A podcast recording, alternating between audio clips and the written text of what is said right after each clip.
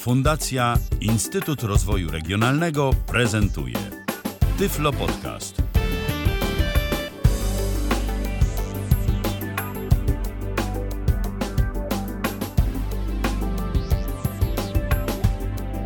Słuchacie Tyflo Radia w kalendarzu. Dziś mamy wtorek, to jest piąty dzień kwietnia 2022 roku.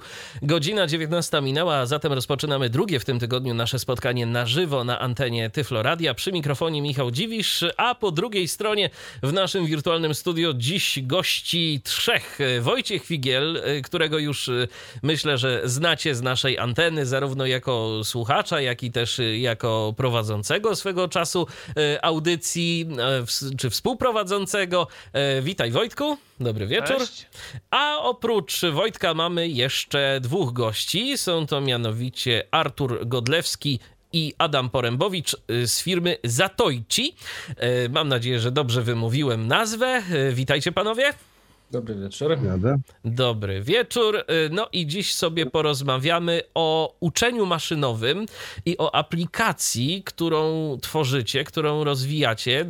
Już wiem poza anteną, to dla tych wszystkich, którzy chcieliby już gdzieś tam się do App Store'a udawać, czy Google Play Store'a, żeby szukać i instalować, że jeszcze nie ma. Ona dopiero będzie, ale jak będzie, to będzie coś, bo to będzie aplikacja, za pomocą której będziemy mogli samodzielnie sprawdzić e, termin przydatności danego produktu, ale e, no, do tego są potrzebne konkretne narzędzia, do tego potrzebne nam jest coś, co się nazywa uczenie maszynowe i o tym dziś również będziemy rozmawiać, co to właściwie jest i jak przydatne może być e, dla osób niewidomych i do czego możemy je wykorzystać w praktyce. Natomiast na dobry początek myślę, że warto, abyście powiedzieli o sobie kilka słów.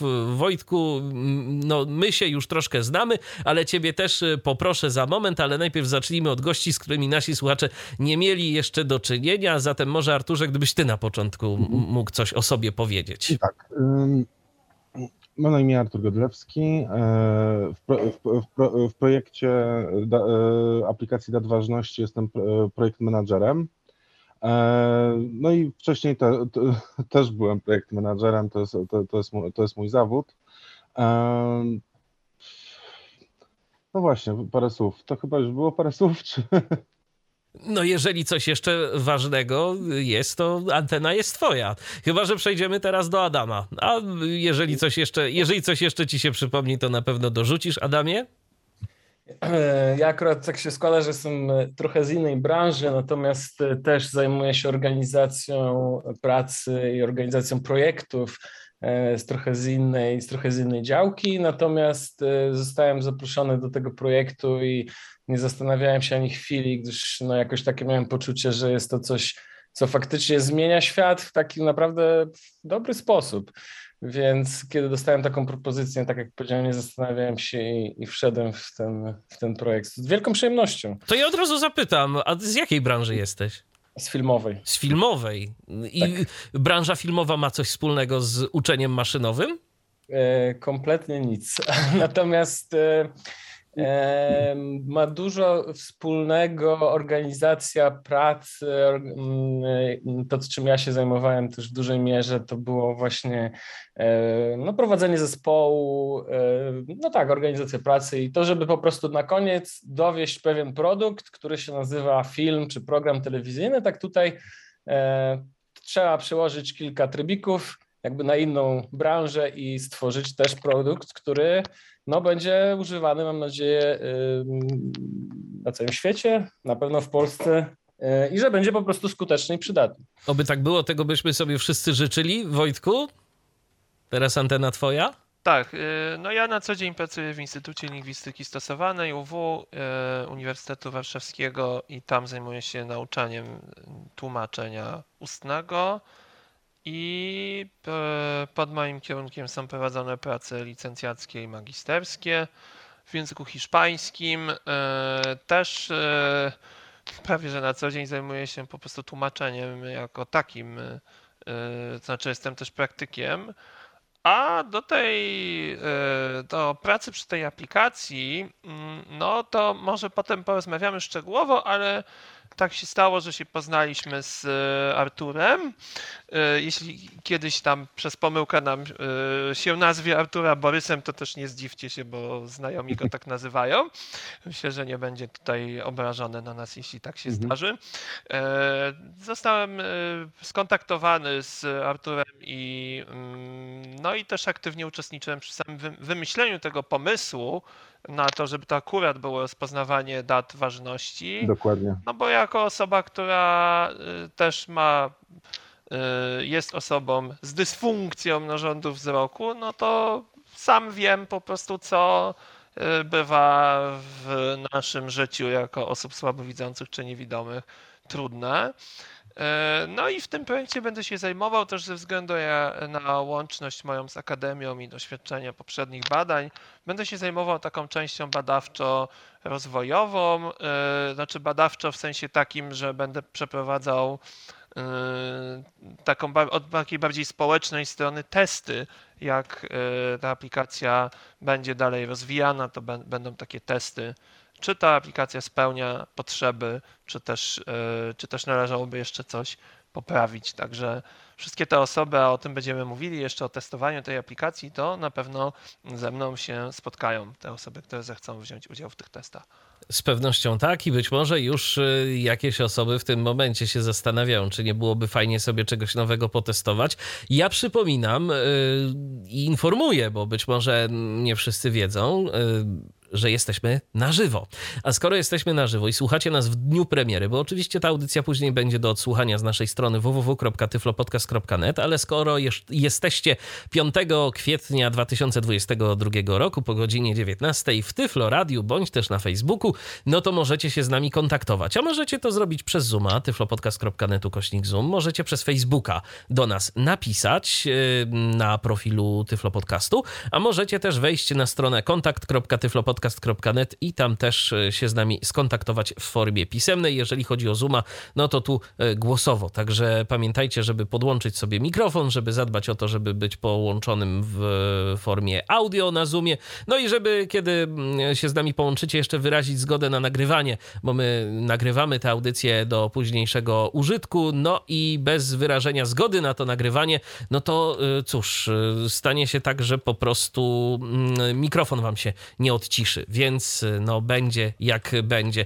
Już widzę, że tutaj, y, już widzę, że tu mamy pierwsza, pierwsze pytanie, czy pierwszą wypowiedź, y, tylko zaraz sobie to muszę jeszcze przy, przystosować, odpowiednio wyświetlanie. O, mamy, mamy wypowiedź od snajpera. Witajcie, wiem, że prace nad tą aplikacją trwają, ale, mm, mm, ale Mam, y, a mm, to chyba źle, y, jakaś rozpoznawanie mowy nam się tu wkradło, bo jestem ciekawa, to słuchaczka do nas napisała, mm, czy apka będzie do użytku tylko w Polsce, czy w Wielkiej Brytanii również? No to już takie pierwsze pytanie. No właśnie. Mhm. W co celujecie? Od razu, od razu możemy powiedzieć.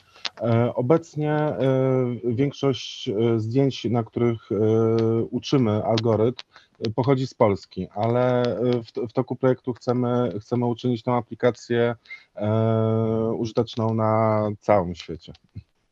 No tak, to brzmi ciekawie i miejmy nadzieję, że tak się rzeczywiście stanie. To jest kwestia, jak rozumiem, po prostu odpowiedniej bazy produktów, tak, żeby można dokładnie, było wyćwiczyć tę tak. aplikację tak. w odpowiedni tak. sposób. Mhm. Tak, a przy czym też, e, też e, zauważyliśmy, że e, pewnie w Polsce jest najwięcej formatów dat ważności, bo tak jak sprawdzaliśmy na przykład w, w Chinach czy właśnie w Wielkiej Brytanii, jest to tam bardziej ustandaryzowane. O, to też ciekawa sprawa. Y, zaraz sobie na pewno o tym szerzej powiemy, ale najpierw, zanim przejdziemy do projektu waszej aplikacji, to powiedzmy może sobie ogólnie, bo tak bardzo często się o tym mówi. Mówi się bardzo często o uczeniu maszynowym, y, często się o tym słyszy, jakaś też y, dość często przy okazji tego sformułowania uczenie maszynowe pojawia się takie hasło jak sztuczna inteligencja i pokrewne różne hasła, ale co to właściwie jest to uczenie uczenie maszynowe? O co w tym chodzi? O tym właśnie nie, nie jest prosto mówić, yy, przybliżyć, bo można powiedzieć, że nawet programiści do końca nie wiedzą, na, na czym to polega, ale yy, Adam miał yy, bardzo fajny, fajny przykład opisujący, czym, czym z zasady jest uczenie maszynowe. Dziękuję, że mnie wrobiłeś. Nie wiem, czy, nie wiem, czy ciekawy, myślę, że myślę, że obrazowy. Mhm. Jak już mnie wypytałeś, jestem ze świata filmu, więc, więc obrazowo tutaj postaram się mhm. przynajmniej o tym opowiedzieć.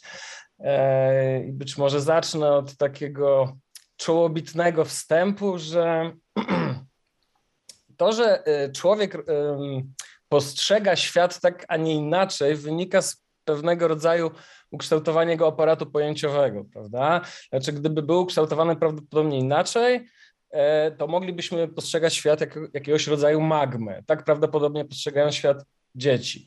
E, I cała zabawa polega na tym, żeby to dziecko nauczyć e, języka, którym się posługujemy, i dzięki temu będzie, mogła, będzie mogło to dziecko no, nazwać, załóżmy, dźwięk miauczącego kota, że jest to kot, albo że mm, przejeżdżający tramwaj, że jest to tramwaj. To jest pewnego rodzaju siatka pojęciowa, którą narzucamy sobie na świat.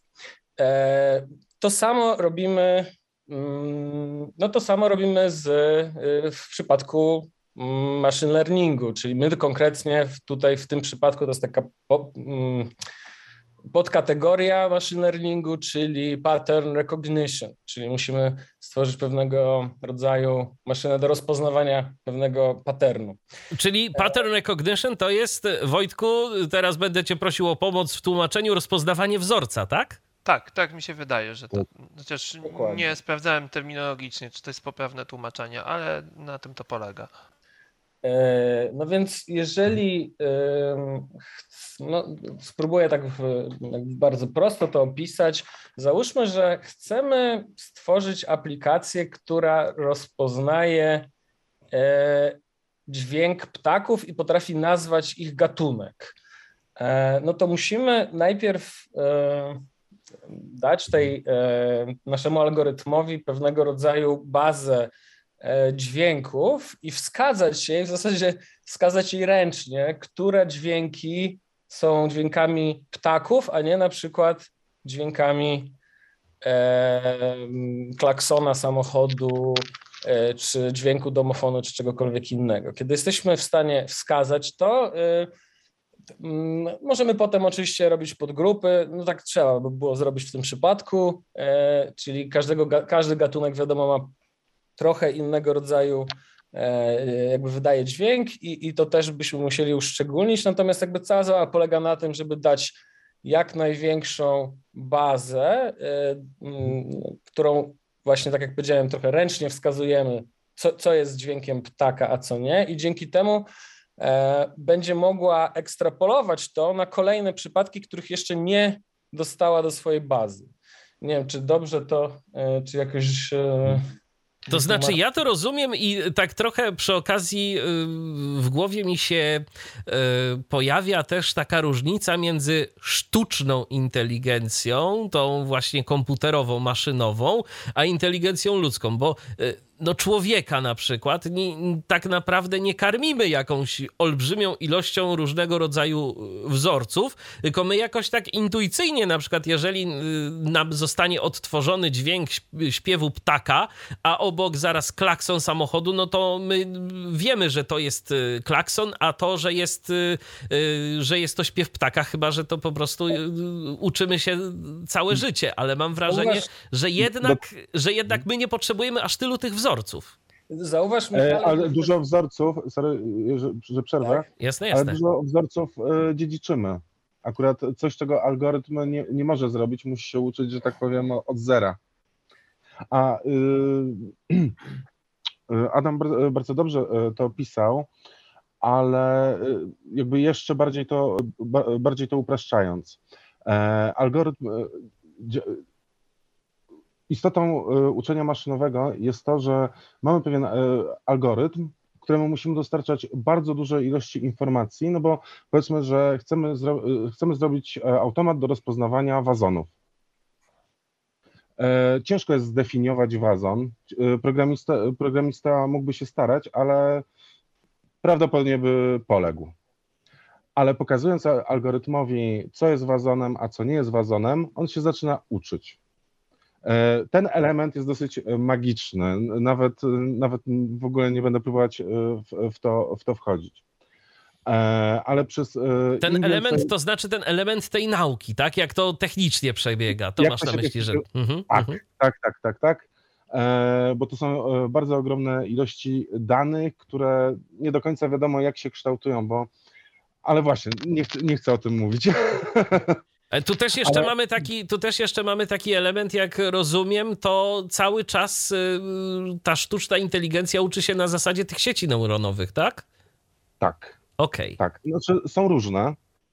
e, Są różne, ale na przykład e, w, nasze, w naszym projekcie częściowo używamy sieci, sie, sieci neuronowych. Tak. Okej, i co dalej?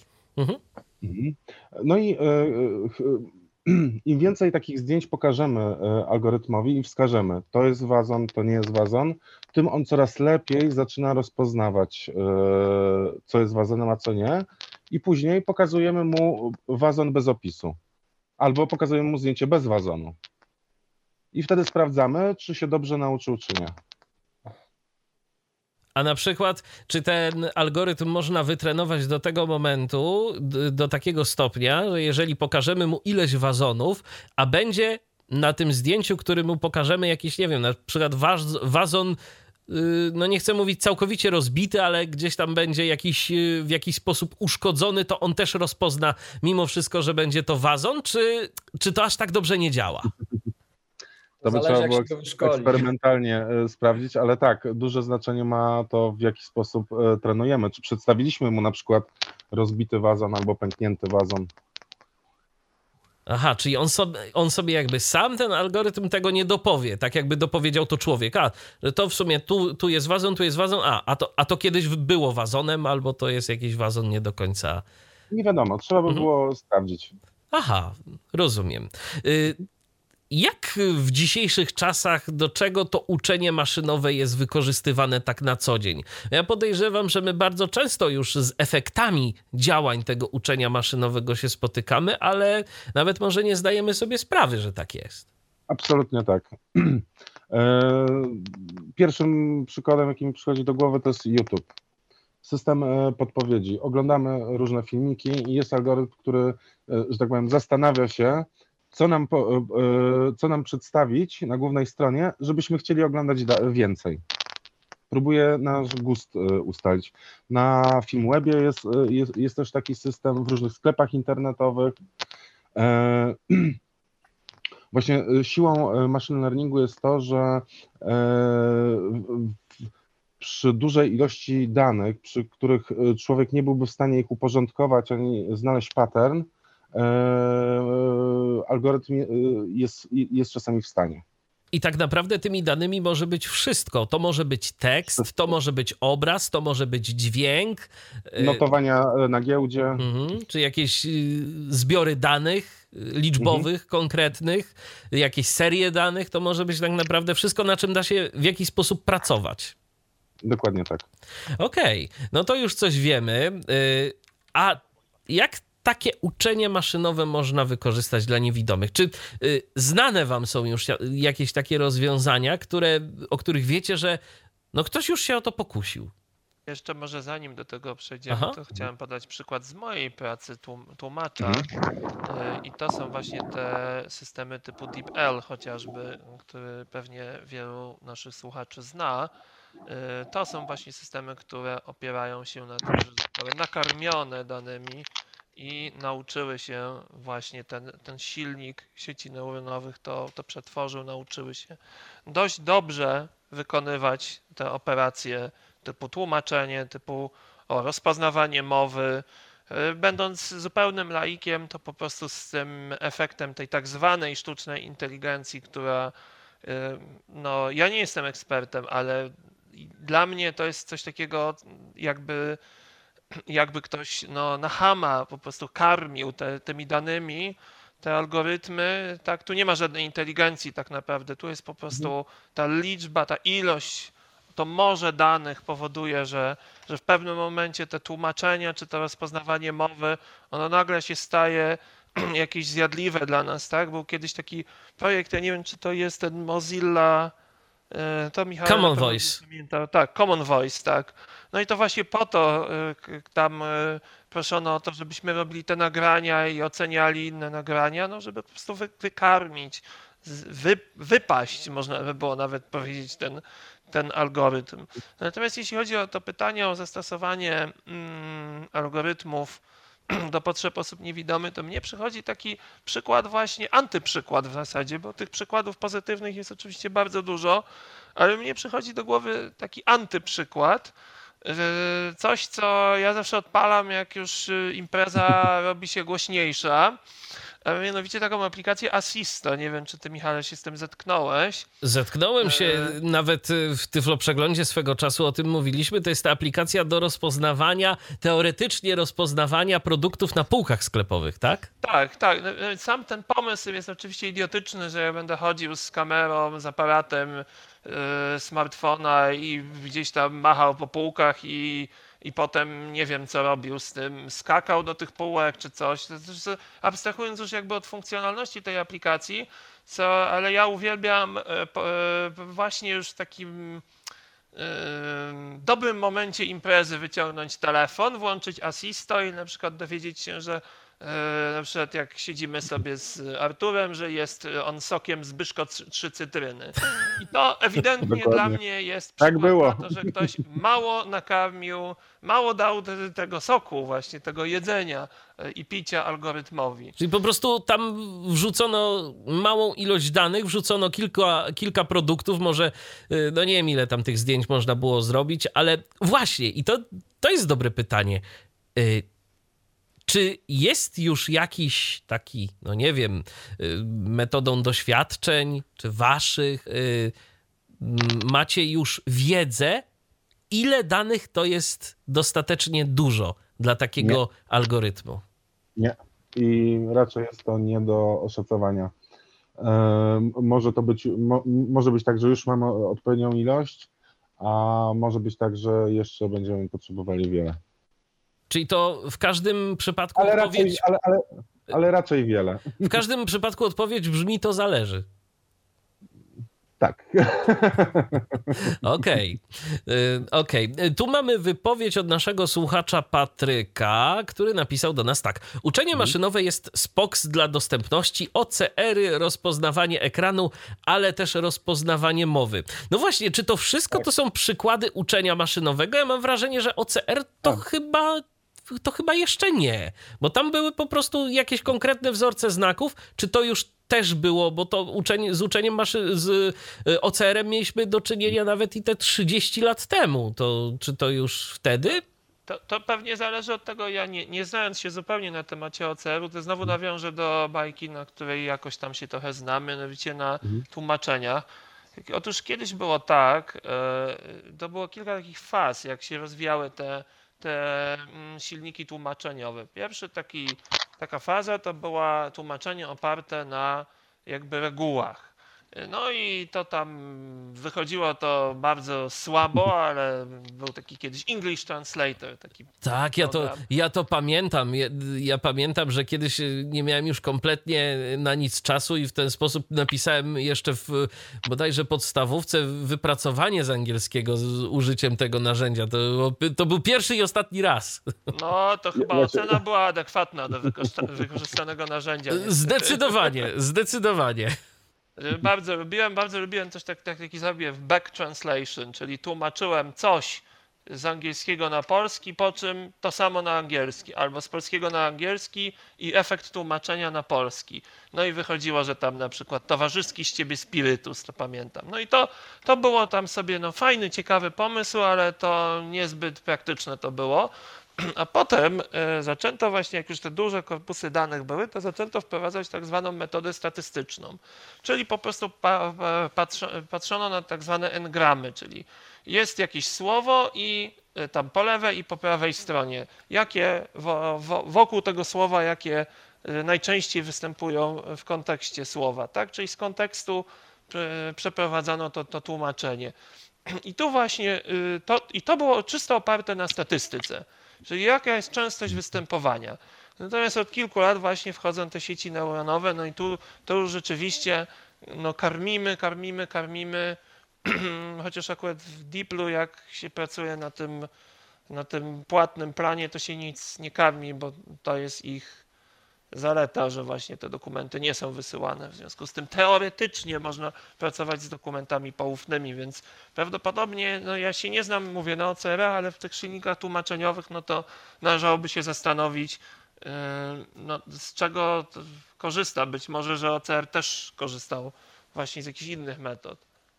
No właśnie też mi, też mi się tak wydaje, że na samym początku to mogły być jakieś po prostu wprowadzone wzorce tych literek i, i tyle. I albo rozpoznał, albo nie rozpoznał, bo przecież kiedyś jeszcze za czasów takich programów jak chociażby Recognita, czy jakieś wczesne wersje Fine Readera, to naprawdę dużo błędów robiły te, te programy. A teraz Fine Reader jest po prostu y, niesamowite.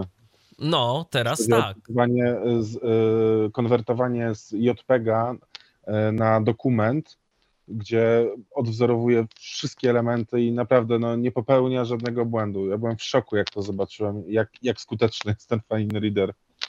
I pomyśleć, że jednymi z pierwszych użytkowników właśnie tego typu oprogramowania były osoby niewidome, bo Fine Reader tak naprawdę no, później dopiero mam wrażenie wszedł do biur, y, tak. żeby, żeby stworzyć to ten paperless office. Nie, w y, ogóle ta, ta, cała technologia OCR to powstała pod mhm. wpływem, z tego co się orientuję, też osób niewidomych, chyba Stevie Wonder miał tam dużo, dużo do, do inspiracji w tym y, kilkadziesiąt lat temu, ale to już ja się na tym nie znam. Mhm. Y, tylko gdzieś tam mi się obiło mhm. w domu o uszy. No dobrze, to jak jest z tym uczeniem maszynowym? Ty Wojtku wspomniałeś o tym, że aplikacja Assisto no to nie jest najlepszy pomysł, a coś, co jest dobrym pomysłem?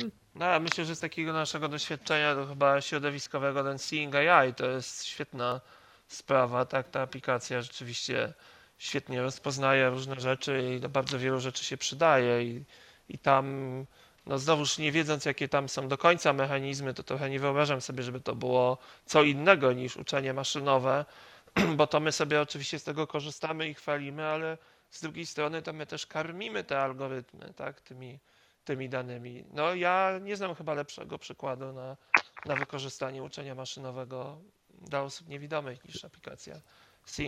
Taka pie co... Takie pierwsze podejście w tym stylu, to mam wrażenie, była aplikacja TapTapSee. Tam y, z tego co wiem, y, z tego co gdzieś czytałem o tym y, kiedyś, to było to w ogóle bardzo ciekawie przeprowadzone, bo to było uczenie maszynowe, ale też wspomagane człowiekiem. To znaczy, na dobry początek ten mm, obrazek, który użytkownik przez aplikację TapTapSee wysyłał był przetwarzany przez y, algorytm, a później był, y, jeżeli algorytm nie był sobie w stanie z tym poradzić, to był pokazywany człowiekowi. I potem się okazywało, że człowiek to coraz mniej miał do roboty, bo ta dokładność zaczynała być coraz lepsza jeżeli chodzi o te obrazki.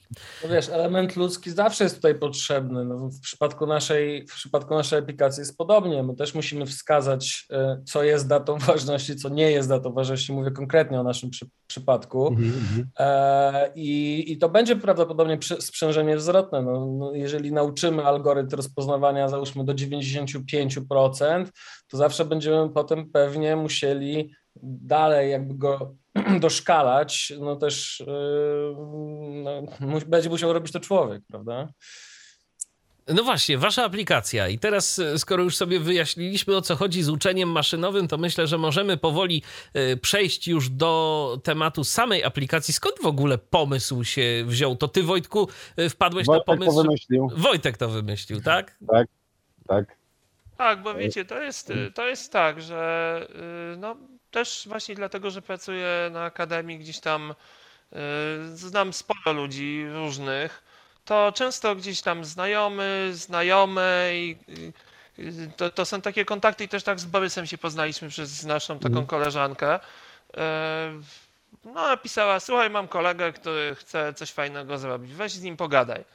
Ja znam takie rozmowy, bo spotykam się co pewien czas z takimi osobami, które przychodzą. Mam akurat w przypadku Artura było o tyle dobrze, że mm, ty miałeś pomysł taki, żeby sprawdzić, co jest mhm. fajne. Ale niestety często przychodzą ludzie, którzy mają już w głowie, bo oni wiedzą lepiej, tak? Oni wiedzą tak. lepiej, co nam się przyda, i potem trzeba wybijać im z głowy ten pomysł i zupełnie zmieniać to na przykład. Kiedyś pamiętam, że zadzwonił do mnie ktoś i powiedział: Słuchaj, a może byśmy zrobili taki lidarem y, mapę urzędu, i wtedy ze smartfonem osoba niewidoma będzie prowadzona po tym urzędzie.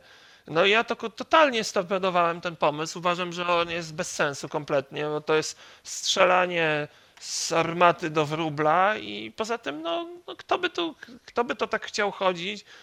tu jest akurat pomysł Janka Schustera, to tu point jest super do takich, do takich zastosowań. No i taki, takich pomysłów się prawda, pojawia i wie, wiele z, z tych pomysłów po prostu ginie.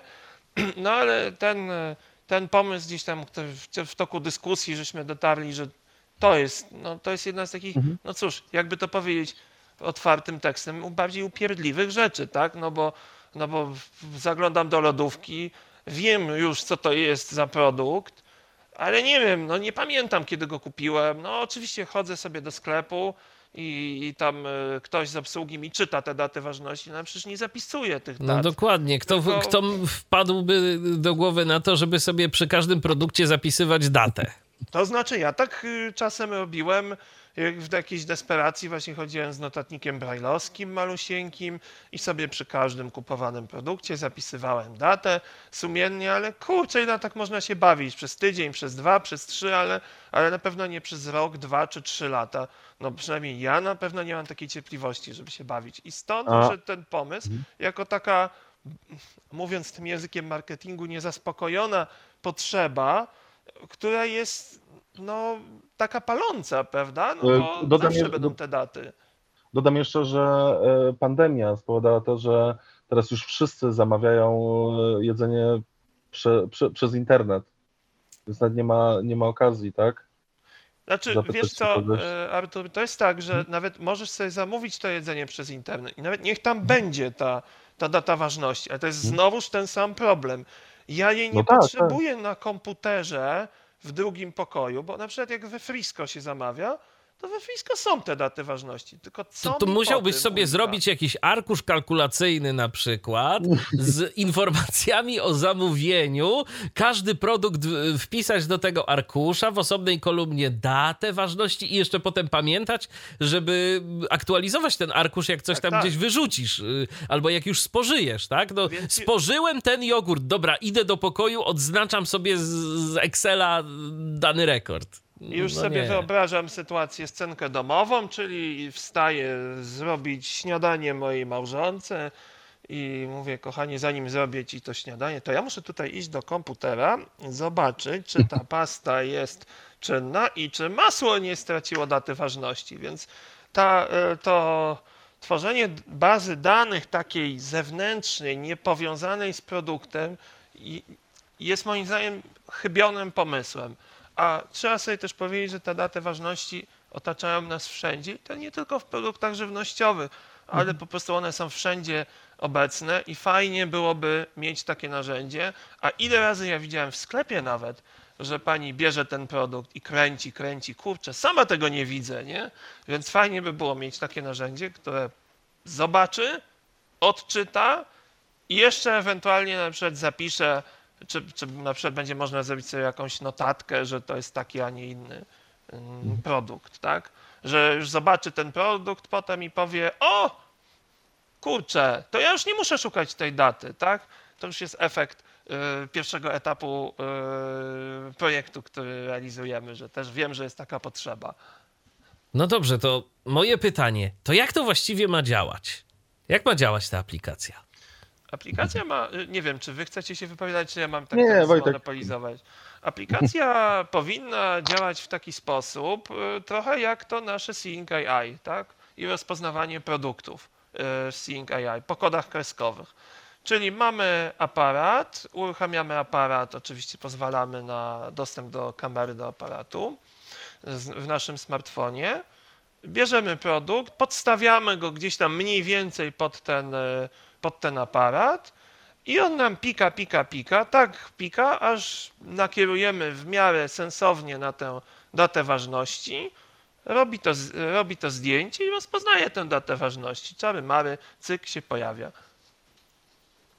I tyle. I I oczywiście założenie jest takie, żeby osoba całkowicie niewidoma mogła się tym posługiwać. Tak? No tak, czyli że będzie jakieś, no nie wiem, naprowadzanie, tak, na, na tę datę, tak, dźwiękiem, jeżeli, jeżeli on tam jakiś fragment zobaczy, to, to będzie tak, informacja o tym, żeby ten produkt jakoś jednak troszeczkę przekręcić, yy, żeby było to widoczne w oku kamery naszego smartfona i żeby on sobie mógł to wszystko sczytać.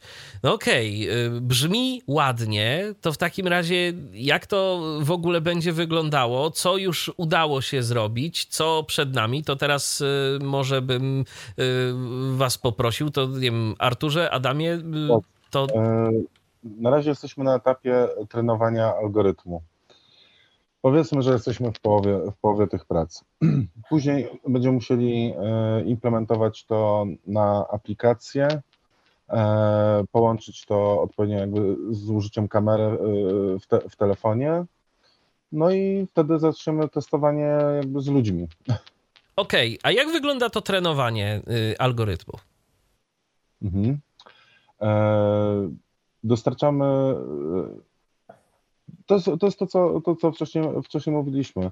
E, dostarczamy bardzo dużo ilości e, zdjęć z datami waż, ważności Część zdjęć nie ma właśnie daty ważności, żeby, o właśnie, żeby algorytm, y, gdyby, gdyby wszystkie zdjęcia dostarczane y, algorytmowi zawierały datę ważności, to algorytm by się nauczył po prostu, że każde zdjęcie ma datę ważności i by szukał do nie, nie wiadomo Do upadłego tej daty ważności, upadłego. nawet jeżeli tam by nie było tej daty ważności. Dokładnie, mhm. ale do, dajemy, dajemy y, zdjęcia, które nie mają daty ważności, przez algorytm może założyć, że niektóre nie mają.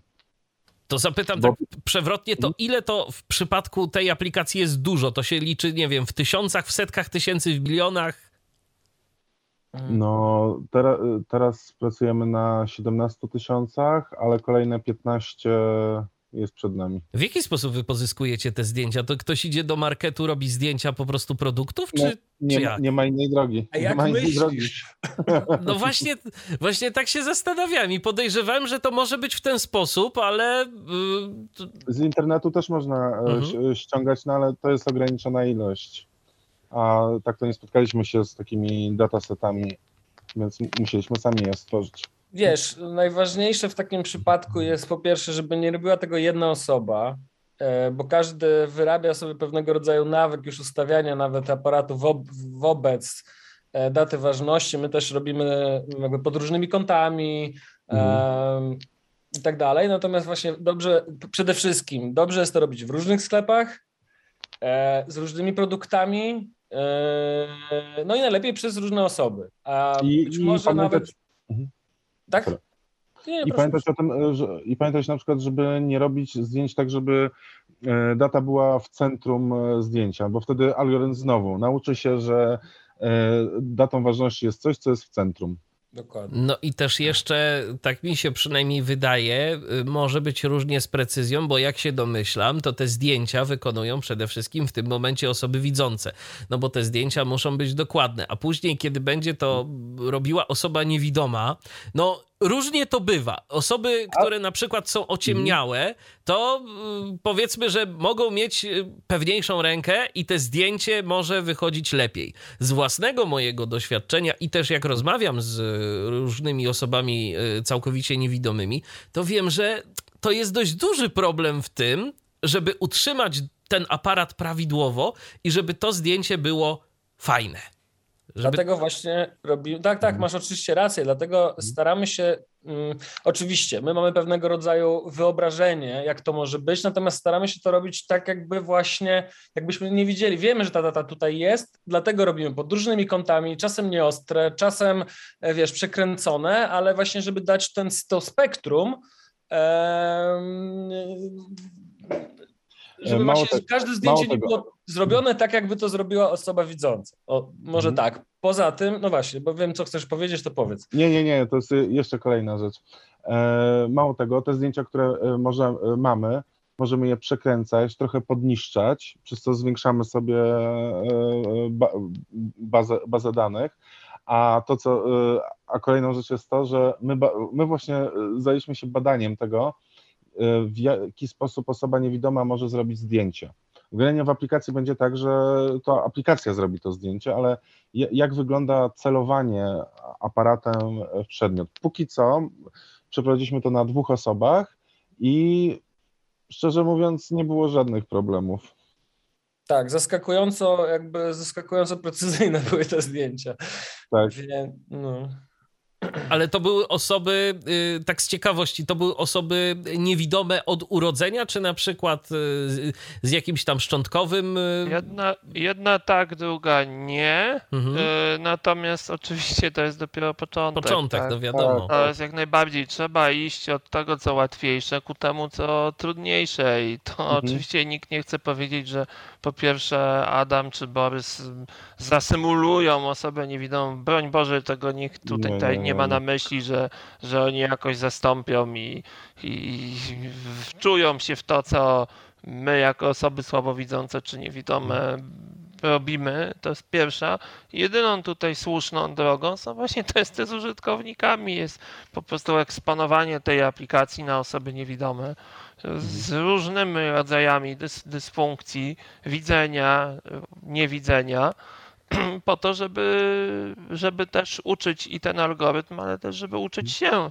Ja bardzo jestem tego etapu też ciekaw, ponieważ sam myślę, że bardzo wielu rzeczy się nauczę o tym, jak to może być. Czyli to jest właśnie, czyli na razie jesteśmy na etapie zbierania danych, y, ko- kolekcjonowania tych zdjęć, potem. B- Potem będzie co? Potem już będzie jakaś wstępna wersja tej aplikacji. To jest, to jest jedna noga tego, tego przedsięwzięcia, że zbieramy dane, znaczy chciałoby się powiedzieć, na szczęście za mało widzę na to, żeby robić te zdjęcia w sklepach, ale, ale e, chciałem powiedzieć o tej drugiej nodze, za którą ja odpowiadam i to są właśnie, e, to jest pierwszy etap projektu, to znaczy rozeznanie potrzeb, bo ja też nie mam e, takiej wizji samego siebie to na pewno, ale też nie mam, no nie mam takiej wizji, że ja już wszystko wiem, jakie są potrzeby.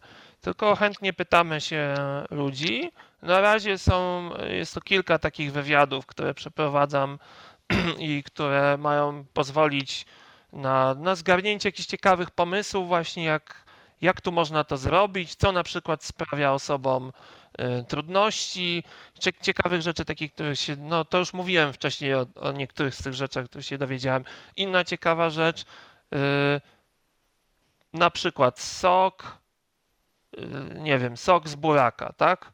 Ciemny, ciemna data ważności. Że to jest jakieś szczególne wyzwanie. Już dla osoby słabowidzącej, nawet całkiem nieźle widzącej, to już jest duże wyzwanie, tak?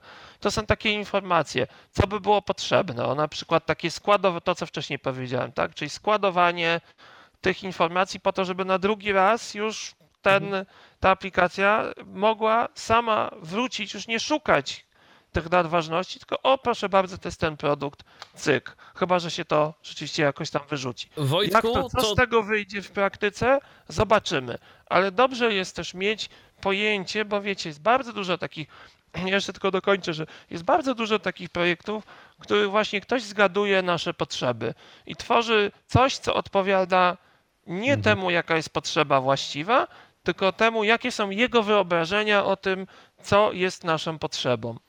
Jak się domyślam, chodzi o to, żeby tych głosów było jak najwięcej i żeby można było zebrać e, jakąś taką informację zwrotną e, od e, użytkowników zainteresowanych. No to właśnie to jest moje kolejne pytanie. W jaki sposób ty zbierasz, Wojtku, te głosy mm, od, od osób niewidomych czy słabowidzących? Czy w jaki sposób można swoje zdanie wyrazić, y, jakąś swoją opinię do ciebie podrzucić. Ja czy my bardzo chętnie przyjmiemy każdy oczywiście głos w dowolnej formie, czy to będzie mail, czy to będzie wiadomość na WhatsAppie. Te maile kontaktowe możemy oczywiście podać do nas, mail y, startupowy też możemy podać.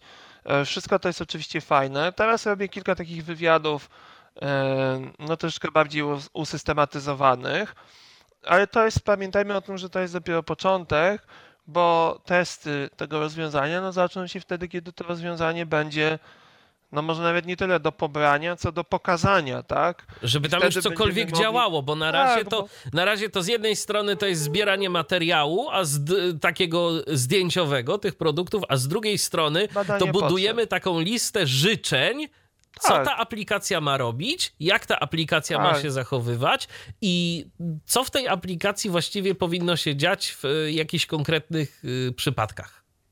Tak, tak, tak. A dopiero potem, jak już będzie taki, nazwijmy to prototyp, nie wiem, czy to jest dobre słowo, akurat to koledzy mnie poprawią, jak tu bzdury gadam. Jak będzie co do pokazania, wtedy zapraszamy na testy. Nie wiem, czy to teraz jest moment, żeby o tym powiedzieć. Ja myślę, że ja myślę, że tak, chociaż ja bym jeszcze y, się skupił nad, y, y, zanim przejdziemy do tego zaproszenia na testy gdzieś w przyszłości, bo też podejrzewam, że jakąś bazę chętnych osób chcielibyście zebrać, ale to ja zapytam, jaki jest w ogóle plan dalszy, bo na razie wiemy o tych, o tych podstawowych etapach, potem będzie prototyp, no i co, jeszcze coś jest w planie, jeżeli chodzi o rozwój projektu, o etapy?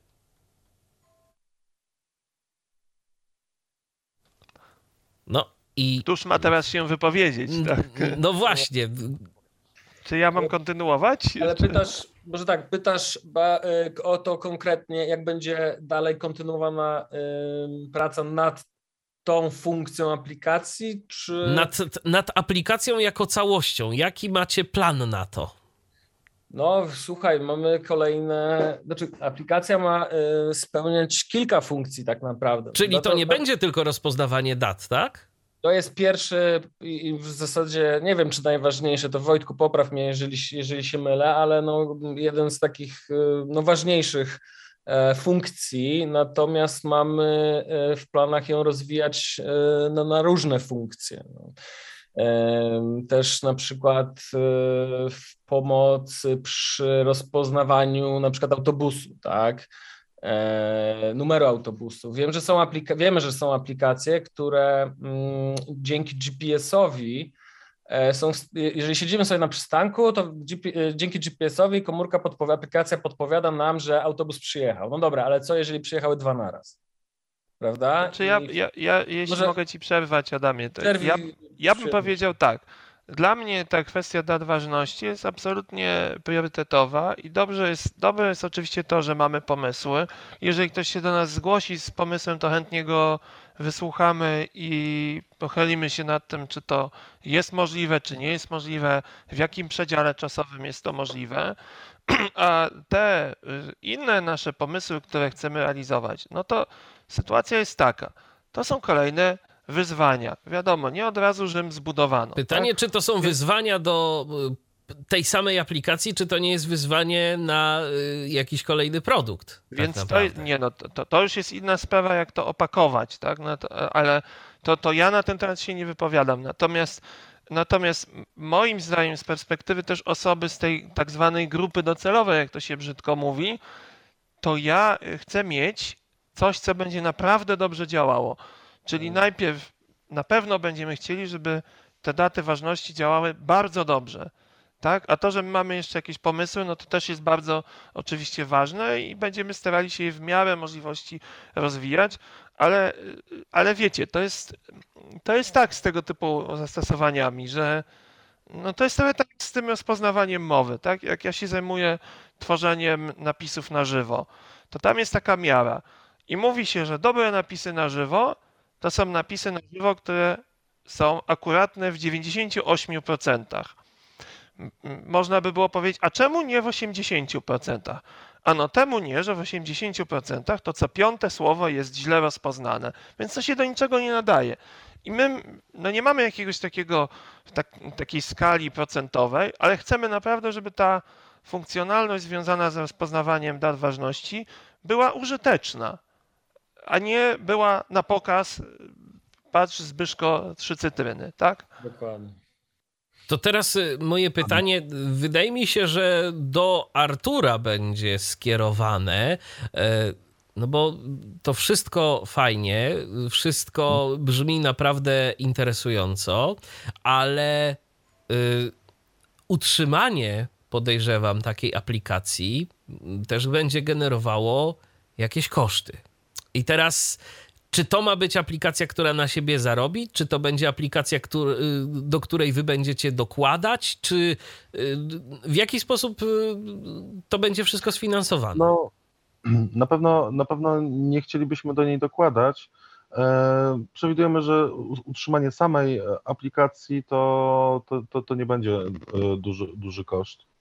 Póki co mamy, do, mamy dofinansowanie na, na ten projekt. Oprócz tego y, chcemy, y, chcemy się rozwijać też jakby w, w, róż, w różnych y, kierunkach. Jesteśmy otwarci. Generalnie ten projekt służy zdobyciu pewnego know-howa, którym będziemy mogli oferować na, na rynku. I jak rozumiem, to y, czyli to jest taki wasz y, pierwszy projekt, tak? W tym momencie, skierowany w ogóle do osób niewidomych, czy w ogóle jako, tak, jako tak, startup? Tak, tak, dla, osób nie, dla osób niewidomych. E, jako, jako startup, tak, to też jest pierwszy startup. Jasne. Czyli w tym momencie jako Satoichi, tak, to nie macie żadnego, żadnego innego produktu w portfolio, to jest debiut. Mhm. Dokładnie tak. Jasne. E, no dobrze, to właśnie a propos Satoichi, to jeszcze tak zapytam, skąd w ogóle nazwa, bo co, co, co ona ma symbolizować? E, Zatoichi to imię bohatera z, z, serii japońskich filmów o niewidomym nie samuraju, właśnie e, niewidomej osobie z nizin społecznych, która pomaga, pomaga miejscowym. Przy okazji mistrzem miecza, to trzeba przyznać. No tak. tak Wojownik, który, który broni yy, właśnie tych bardziej. Taki Robin Hood, można powiedzieć. Mhm. Robin Hood to nie akurat, bo on był z wyższych sfer, ale to jest tego typu postać. To jest kultowa mhm. postać, yy, jeżeli chodzi o kulturę japońską. E, no. I, I myślę, że bardzo dobry symbol na E, firmę, która e, robi rzeczy dla osób niewidomych. I ma wspomagać ich e, samodzielność też, bo to, bo to tak. temu ma służyć. Ja sobie pozwolę, ponieważ nie znałem tej historii, bo mhm. no nie orientuję się po prostu w kulturze japońskiej, ale pozwolę sobie zauważyć, że myślę, że wielu nasz, moim przynajmniej koleżankom, które zajmują się studiami o niepełnosprawności, to by się bardzo spodobało, bo zobaczcie, że często jest tak, że te osoby niewidome są gdzieś tam w takich rolach przedstawiane, że tam nie wiem, to są osoby, które tam siedzą pod kościołem i zbierają pieniądze, tak, są biedne, a tu jest bardzo pozytywny bohater. Trochę też jak, nie wiem, jakiś mędrzec, niewidomy, tak? Tylko no, tu, nie wiem, tak. on chyba nie był jakiś, y, znaczy me, mędrcy mieli to do siebie, że byli raczej starzy, a tu chyba ten y, Zatoici chyba stary nie był. No, nie? żeby mieczem wywijać, to ciekawe. raczej powinien być w miarę młody, tak? Tak.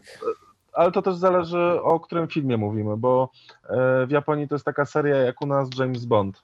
Tam chyba od lat 60., 70. One powstają e, e, co, co, co jakiś czas. No, o, ostatnią ekranizację, Ale... ostatnią ekranizację mhm. zrobił a, taki Kitano, który jest no, taką no, bardzo ikoniczną e, postacią współczesnego kina japońskiego. E, I on trochę wywrócił tą postać. On zrobił trochę to, co z Nowym Bondem, czyli zrobił, zrobił z tej postaci naprawdę niezłego, żeby tu nie. No, takiego faceta, którego ja bym nie chciał spotkać na ulicy, ale no, cały czas przy tym takim e, kręgosłupie moralnym e, stojący. Także bardzo ciekawe, bardzo ciekawe. No, ale to jest dokładnie to, co Wojtku powiedziałeś, nie? że jakby to jest odwrócenie tego, tego takiego myślenia o, o, o, o tym, jak bohaterowie w filmach są kliszo, kliszowani, że tak powiem, prawda? Że to jest dokładnie odwrócenie tej kliszy. To teraz jeszcze wracając do kwestii tych testów, y, jak będą, to myślę Wojtku pytanie też do ciebie, jak będą w przyszłości wyglądały te testy, y, kiedy już będzie dostępny jakiś prototyp? Użytkownicy dostaną aplikację i, i co? I po prostu na żywioł przetestuj zawartość swojej lodówki?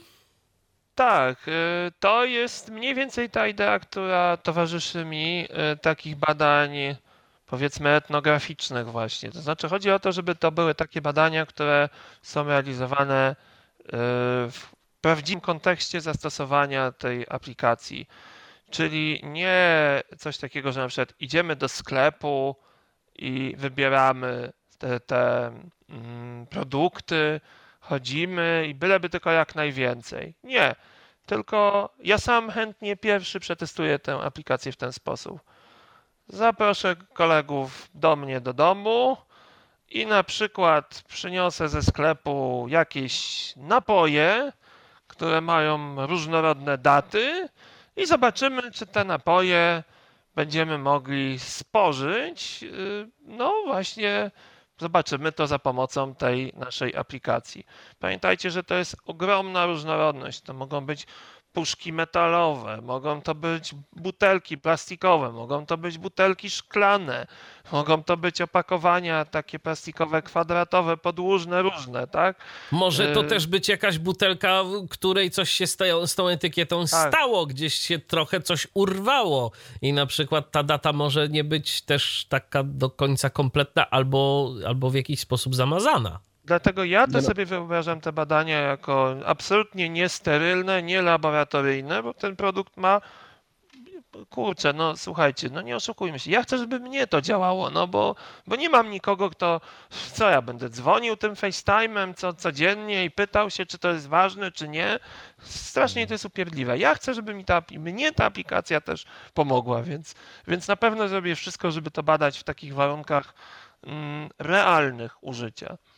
No tak, bo Be My Eyes to też nie zawsze jest rozwiązanie, a poza tym no nie jest to takie, nie jest to takie wygodne, tak, żeby za każdym razem gdzieś tam dzwonić, czekać, aż, aż ktoś odbierze, a później się zastanawiać, ile czasu nam tu zejdzie nad y, zeskanowaniem, nie wiem, zawartości połowy naszej lodówki, tak, bo akurat tak teraz potrzebujemy.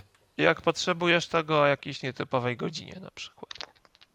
To się zgadza. Chociaż powiem ci, że w nocy to Stany Zjednoczone często, no tak, często tak, tak, z mojej obserwacji. I to nawet Polacy tam się pojawiają dość często, bo, bo swego czasu korzystałem z BeMyISa w ten sposób no i, i, i, dawałem radę. Ale powiem szczerze, zdecydowanie wolałbym nie angażować kogoś, tylko też y, mieć taką możliwość, żeby przeskanować sobie po prostu za pomocą aplikacji y, te produkty, których y, potrzebuję i sczytać w odpowiedni sposób daty. To znaczy, zanim koledzy tutaj wejdą i, i, jeszcze dopowiedzą, bo tak chyba jest też taka wola, to tylko chciałem zaznaczyć, że absolutnie nie jest naszym mm, pomysłem i twierdzeniem to, że tego typu aplikacje jak Be My Eyes są złe, tak? One są inne, do czego innego mogą się też przydać. Pamiętam, że FIR kiedyś robił taką aplikację Pomocne, Pomocne oko. oko. Tak. Nie wiem, czy to w końcu zadziałało, czy nie, bo przecież próbowaliśmy z tego skorzystać. Super, żeby coś takiego było. To, co jakby usiłujemy my zrobić, jest troszeczkę innym pomysłem. No i też pamiętajmy o tym, że to są daty ważności, to nie są dokumenty, to nie, to nie są, nie wiem, tysiące innych rzeczy. Kwiatki zwiędnięte, jeśli ktoś ma taką potrzebę, brudny balkon, szyby na, na balkonie, no, no cokolwiek, tak? To jest tylko to jedno, na razie to jedno wąskie zastosowanie, bo moim zdaniem lepiej robić coś y, dobrze, ale małego. Ile czasu y, jeszcze waszym zdaniem y, potrzeba, żeby doczekać jakiegoś, no chociaż prototypu, czegoś, co będzie już można dotknąć, przetestować? Planujemy to zrobić w połowie tego roku. To już całkiem niedługo. To jest całkiem niedługo, dlatego mamy przed sobą bardzo jeszcze dużo pracy. I aplikacja będzie dostępna na obie platformy, jak rozumiem, iOS, Android. Dokładnie. Tak, tak. No, To znaczy znaczy, ty- na, na początku jeszcze nie będzie, bo na, na początku będziemy ją testować, poprawiać i tak dalej. No ale tak. Pytałeś o Docelowo, prototyp. docelowo, tak. E, Pytałeś o prototyp, on będzie w połowie roku, natomiast zapraszamy wszystkich słuchaczy na premierę z końcem roku. Dobrze powiedziałem? Taki prezent na gwiazdkę.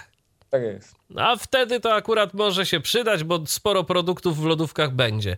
Tam spodziewajcie się intensywnego testowania i informacji zwrotnej. No, bardzo się cieszymy. Tak, na tym by nam zależało, natomiast naprawdę te testy z prototypami będą mm, no, robione na taką szeroką skalę.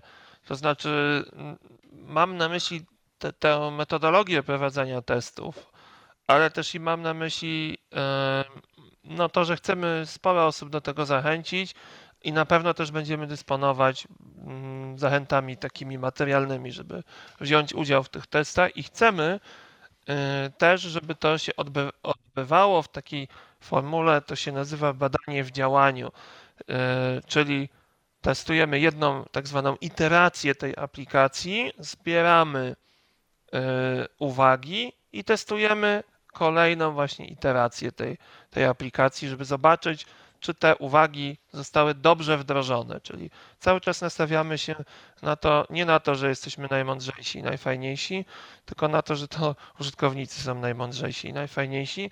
Też, y, jeśli dobrze pamiętam, też na pewno dobrze pamiętam akurat to, to na pewno dobrze pamiętam. Mamy w planach tak zwaną grupę fokusową, czyli zebranie kilku osób i podzielenie się różnymi poglądami przy użyciu aplikacji. One, to będzie troszkę inny cel tej grupy fokusowej, tak?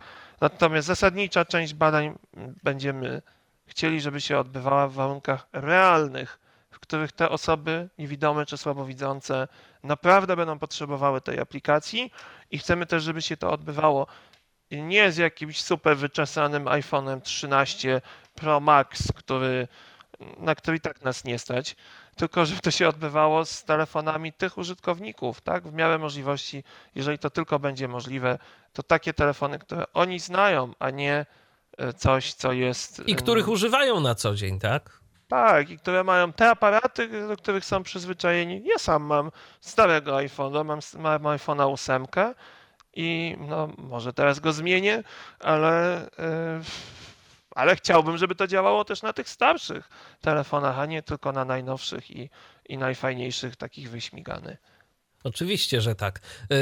A jak to w ogóle będzie rozwiązane, jeżeli chodzi o tę mm, bazę i, i to całe przetwarzanie? Czy to przetwarzanie y, to będzie po stronie serwera, czy ta aplikacja będzie w stanie działać offline? Y, To ja już od razu mówię. E, Na razie dopuszczamy e, obie opcje, zobaczymy, ja, zobaczymy co... Co E, wyjdzie z testów? Dokładnie tak. No, na, już na etapie u, uczenia algorytmu, czy ten algorytm uda się zachować w miarę mały, czy rozrośnie się do takich rozmiarów, że właśnie będzie potrzebował serwera. Ale sprawa jest otwarta. Jasne. Y, No dobrze, tak zbliżamy się powoli do y, końca naszego dzisiejszego spotkania. Y, I teraz, no to Wojtku, myślę pytanie do ciebie, skoro ty jesteś tu odpowiedzialny za koordynację testów. Jeżeli ktoś z naszych słuchaczy no, się zaciekawił, zainteresował tą aplikacją, chciałby tak czy inaczej wziąć udział w y, jakichś testach, y, może z tobą na przykład y, porozmawiać, jeżeli jest jeszcze mm, czas na zbieranie jakichś wniosków, refleksji, życzeń, to jak się może skontaktować? E, tak. E, Ja zaraz o tym powiem. E, Chciałem nawiązać e, też do tego, o czym Artur e, powiedział e, wcześniej, a mianowicie o, e, i o to, o co ty pytałeś, czyli o to, czy na serwerze, czy, czy w domu. No na pewno preferowane byłoby na samym smartfonie użytkownika, ale z drugiej strony też myślę, że nie mamy co akurat tutaj się bardzo tym stresować, ponieważ nastawiamy się na to, że jednak ta funkcjonalność aplikacji, czyli to rozpoznawanie dat ważności, no głównie będziemy gdzie z tego korzystać? No w domu, no bo to tam nam są te Więc z podłączeniem, do, z podłączeniem do sieci, tak, zapewnionym. Więc też oczywiście do, dobrze by było, żeby taka możliwość offline yy, była dostępna, no ale też patrząc na to realistycznie, to mam nadzieję, że, że nawet gdyby się okazało, że, że będzie trzeba korzystać z pomocy serwera, to, no to chyba to nie będzie jakimś wielkim kłopotem dla większości z nas. Nie będzie, to akurat z pewnością, no, przy założeniu, że y, działanie projektu jest przewidziane na lata, tak? A Tak, domyślam tak, się, że tak. tak jest. No ja na pewno tego nie odpuszczę, bo będę tego potrzebował w życiu coraz bardziej. No właśnie. Jeśli chodzi o, ten, o to pytanie dotyczące kontaktu, to y, też może takie słowo wyjaśnienia, że nie jest naszym pomysłem to, żeby dzielić tak te, te fazy, że najpierw zbieramy potrzeby, a potem też jak masz jakieś potrzeby, no, no to sorry, to sobie poczekaj na kolejny projekt. Nie, to nie jest nasze myślenie o tym, tylko to jest teraz to, to, czego ja dokonuję, to jest taki wstępny rozmowy na temat tego projektu, ale jeśli będą jakieś potrzeby, które wyjdą w tych późniejszych już testach, w praniu, że tak powiem, czy też właściwie w kuchni, a nie w łazience, chociaż pralki też są w kuchni yy, często, to oczywiście nie będziemy tego sobie lekceważyć, tych, tych potrzeb, które zostaną zgłoszone. Dlatego myślę, że każdy moment jest dobry na kontakt z nami. Mamy mail taki, to tutaj poproszę kolegów, żeby mnie, y, żeby mi się to nie pomyliło o podanie i może przeliterowanie też tej nazwy. Jasne, to- to jest e, kontakt małpa zatoichi.pl. Zatoichi to będzie Zygmunt, Alicja, Tadeusz, e, o, Ola, Irena, Czesław, Halina e, i znowu Irena.pl. Kontakt małpa zatoichi.pl. E, nie wiem, może Welku chcesz swój. Nie, no. Tak, tak, no do mnie też można oczywiście zawsze pisać, kto mnie zna, to chętnie, czy na Facebooku, czy, czy przez inne komunikatory. Ja, mój mail e, można pisać na przykład na wojtek.figiel.gmail.com I z pewnością jakaś e, informacja zwrotna też e, będzie. E, Czekamy cały czas. Tak, za, zapraszamy do kontaktu, do dzielenia się. Na razie to takimi, takim zestawem życzeń, tak? Bo, bo tak jak wspomnieliście, w mniej więcej połowie roku dla chętnych osób będzie coś do przetestowania, Jako- ale na razie to. Mhm. Jako taką anegdotę, Michał, jeśli No, pozwolisz, to powiem proszę. o naszej rozmowie na temat tej aplikacji, Aha. którą przeprowadziliśmy jakiś czas temu. Jasne. E, Kiedy wyraziłeś tako, takie życzenie, od razu mogę e, spoilera e, podać, że nie zostanie ono spełnione. Mianowicie wyraziłeś takie życzenie, że może aplikacja też powinna nauczyć się rozpoznawać, czy tam mięso jakieś, czy inny produkt jest e, w stanie po prostu dobrym do spożycia, tak? Czy nie jest tam nadgniłe, czy jakieś inne. No i jak tam obaj potem żeśmy o tym rozmawiali, to doszliśmy do wniosku, że jednak chcemy uniknąć procesów sądowych, więc takiej funkcjonalności nie planujemy, żeby po wyglądzie rozpoznawać, czy, czy mięso się na przykład nadaje do spożycia. No mięso to akurat po zapachu ewentualnie można rozpoznać z reguły, aczkolwiek, aczkolwiek no to, to rzeczywiście szkoda, ale to, ale właśnie, to, to a nie obaw, bo mówisz, że chcecie uniknąć y, y, procesów, a nie obawiacie się, że na przykład może być tak, y, że, że może dojść do jakiegoś kłopotu, jeżeli aplikacja źle rozpozna datę i ktoś na podstawie tej daty, powiedzmy, no nie wiem, coś spożyje, co, co, co może mu zaszkodzić, a czy, czy po prostu chcecie się ratować to jakimś, nie wiem, disclaimerem, czy ma to jakąś moc prawną w ogóle, ta, ta, takie coś? No, nie dotyczy to wyrobów medycznych, więc disclaimer chyba nie jest, nie jest potrzebny. Jest to narzędzie pomocnicze. Na pewno nie będziemy, y, nie będziemy twierdzić, że mamy stuprocentową skuteczność, bo no, przede wszystkim niektórych dat w ogóle, w ogóle nie da się odczytać. No, ja sam mam problemy często z, z z przeczytaniem cza, czarnego, czarnej daty na czarnym tle. To się bardzo często zdarza, Wojtek o tym mówił zresztą. E, natomiast właśnie to jest to, co, co powiedzieliśmy wcześniej, że skupiamy się na małej rzeczy, która ma mieć jak największą funkcjonalność, czyli żeby do tych 100%, 100% dążyć, żeby nie zostawiać tego na poziomie tam 85, prawda? Nie wiem, czy odpowiedzieliśmy na Twoje pytanie. E, mnie to zaciekawiło to, o czym wspomniał Artur. Nie dotyczy, co, nie dotyczy to wyrobów medycznych, czyli co? Czyli wszelkiego rodzaju lekarstwa, które ewentualnie mogłyby mieć jakąś taką datę ważności, one nie będą w ogóle rozpoznawane i brane pod uwagę? No, to jest ciekawe. Znaczy, w, na, w naszym projekcie nie braliśmy ich pod uwagę.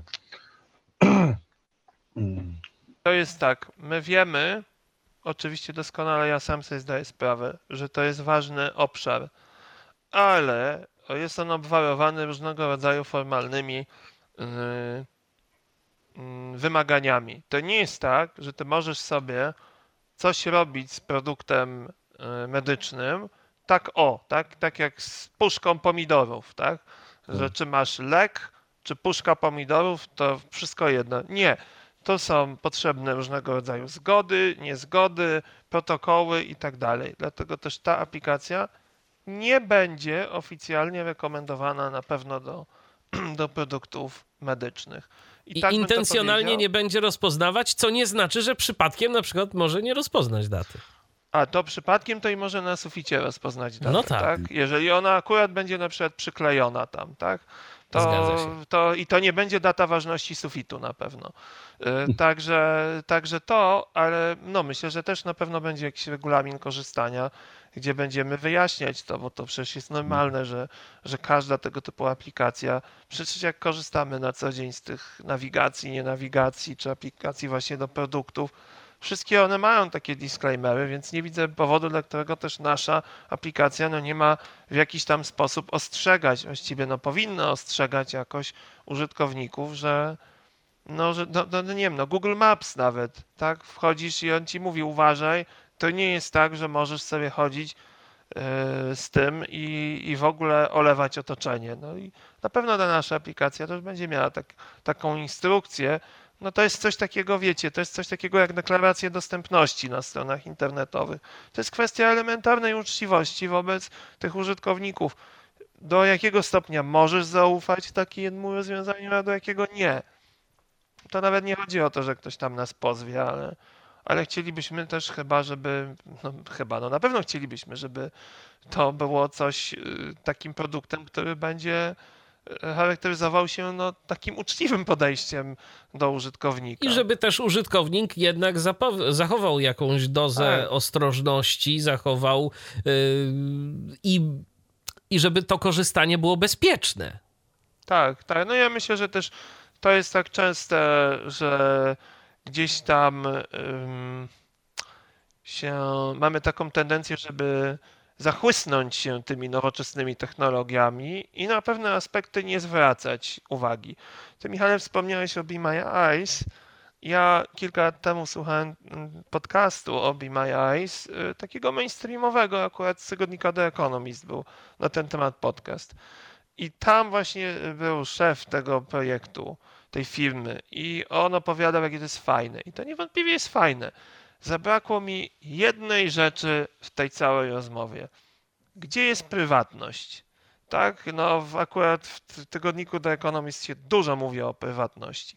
Ale nie, bo tutaj już było prawda, rozwiązanie, które ratuje niemalże życie niewidomym, to już prywatność znika. A tu prywatność jest tak naprawdę nigdzie, bo, bo, bo mamy użytkownika, który tak. przekazuje różne informacje za pomocą tego telefonu, za pomocą tej kamery komuś, kogo zupełnie nie zna i kogo też nie tak. zna administrator tej aplikacji. To są dwie zupełnie obce sobie osoby, których nie wiąże żadna umowa e, o poufności danych, a mi jest łatwo wyobrazić sobie taką sytuację, że ktoś na przykład na Be My się no, kto ma trochę mało wyobraźni, e, po, prosi Kartę kogoś kredytową. o, po, właśnie o pomoc e, w odczytaniu danych karty kredytowej, którą otrzymał z banku. Albo mało wyobraźni, albo nie ma innego wyjścia tak naprawdę, no bo, bo mieszka sam i, i niespecjalnie jest sobie w stanie w inny sposób poradzić, tak? A nie, i nie ma kogo zapytać i to jest jego jedyny e, sposób na to. A sposób jest e, obwarowany bardzo dużym ryzykiem.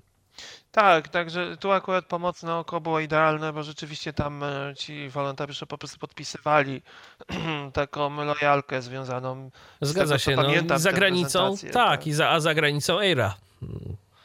Tak, tak. e, Także te rozwiązania, które dbają o prywatność są, są ważne. No a mówię o tym dlatego, że y, mamy taką tendencję, żeby właśnie zachłysnąć się tym, że o, super nowoczesne technologie, a to już wszystko inne nas nie interesuje. Nie. Tak samo z rozpoznawania mowy, ze wszystkich technologii trzeba korzystać z głową i do tego na pewno będziemy zachęcać użytkowników tej aplikacji. Wy będziecie zachęcać do korzystania z głową, oczywiście też do korzystania z aplikacji. My na razie zachęcamy do kontaktowania się y, z wami i do składania jakichś życzeń, co, co tu powinno się znaleźć, jak te daty ważności produktów, bo ustalamy, że na razie skupiamy się na datach, tak? To, y, bo oczywiście ja mm, wiem, że jest pokusa, tak jak tu y, Artur, y, zdaje się, wspominał o kolejnych krokach, o na przykład rozpoznawaniu dat, dat numerów autobusów. Ale jak rozumiem, na razie skupiamy się na jednym i wokół tego wszystko się kręci. Daty ważności produktów. Dokładnie tak. Jak każdy, jak każdy projekt, ten projekt ma harmonogram i idziemy po kolei.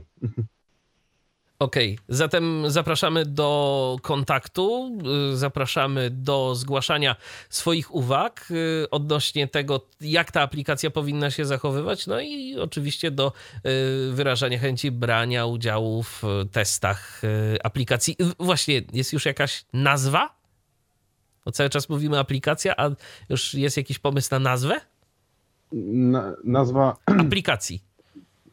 Y, modułu czytającą datę ważności y, to Suzana. Aha. No to już, jak już jest nazwa, to już jest dobrze. To już jest dobrze i teraz pozostaje tylko e, czekać na narodziny Suzany. O, tak bym powiedział. Je, jeszcze nawiążę do tych testów, zachęcając jeszcze Mhm. raz do tego, żeby się kontaktować i nie będzie dla nas ograniczeniem przemieszczanie się na pewno po Polsce.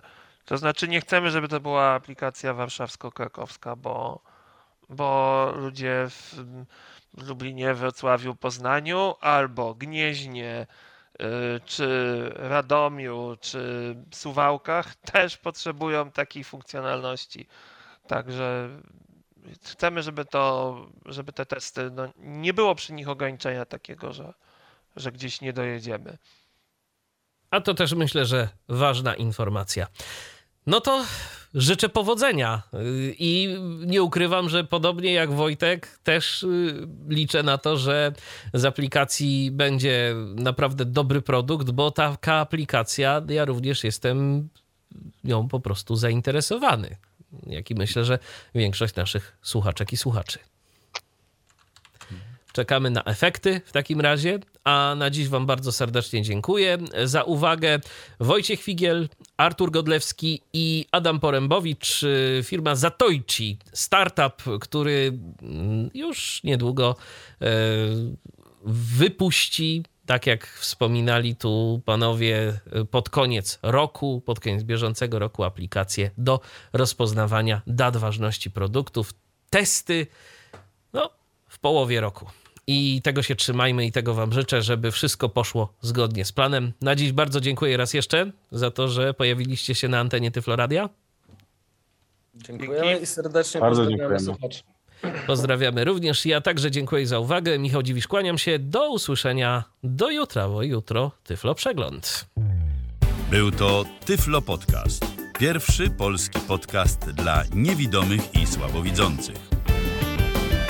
Program współfinansowany ze środków Państwowego Funduszu Rehabilitacji Osób Niepełnosprawnych.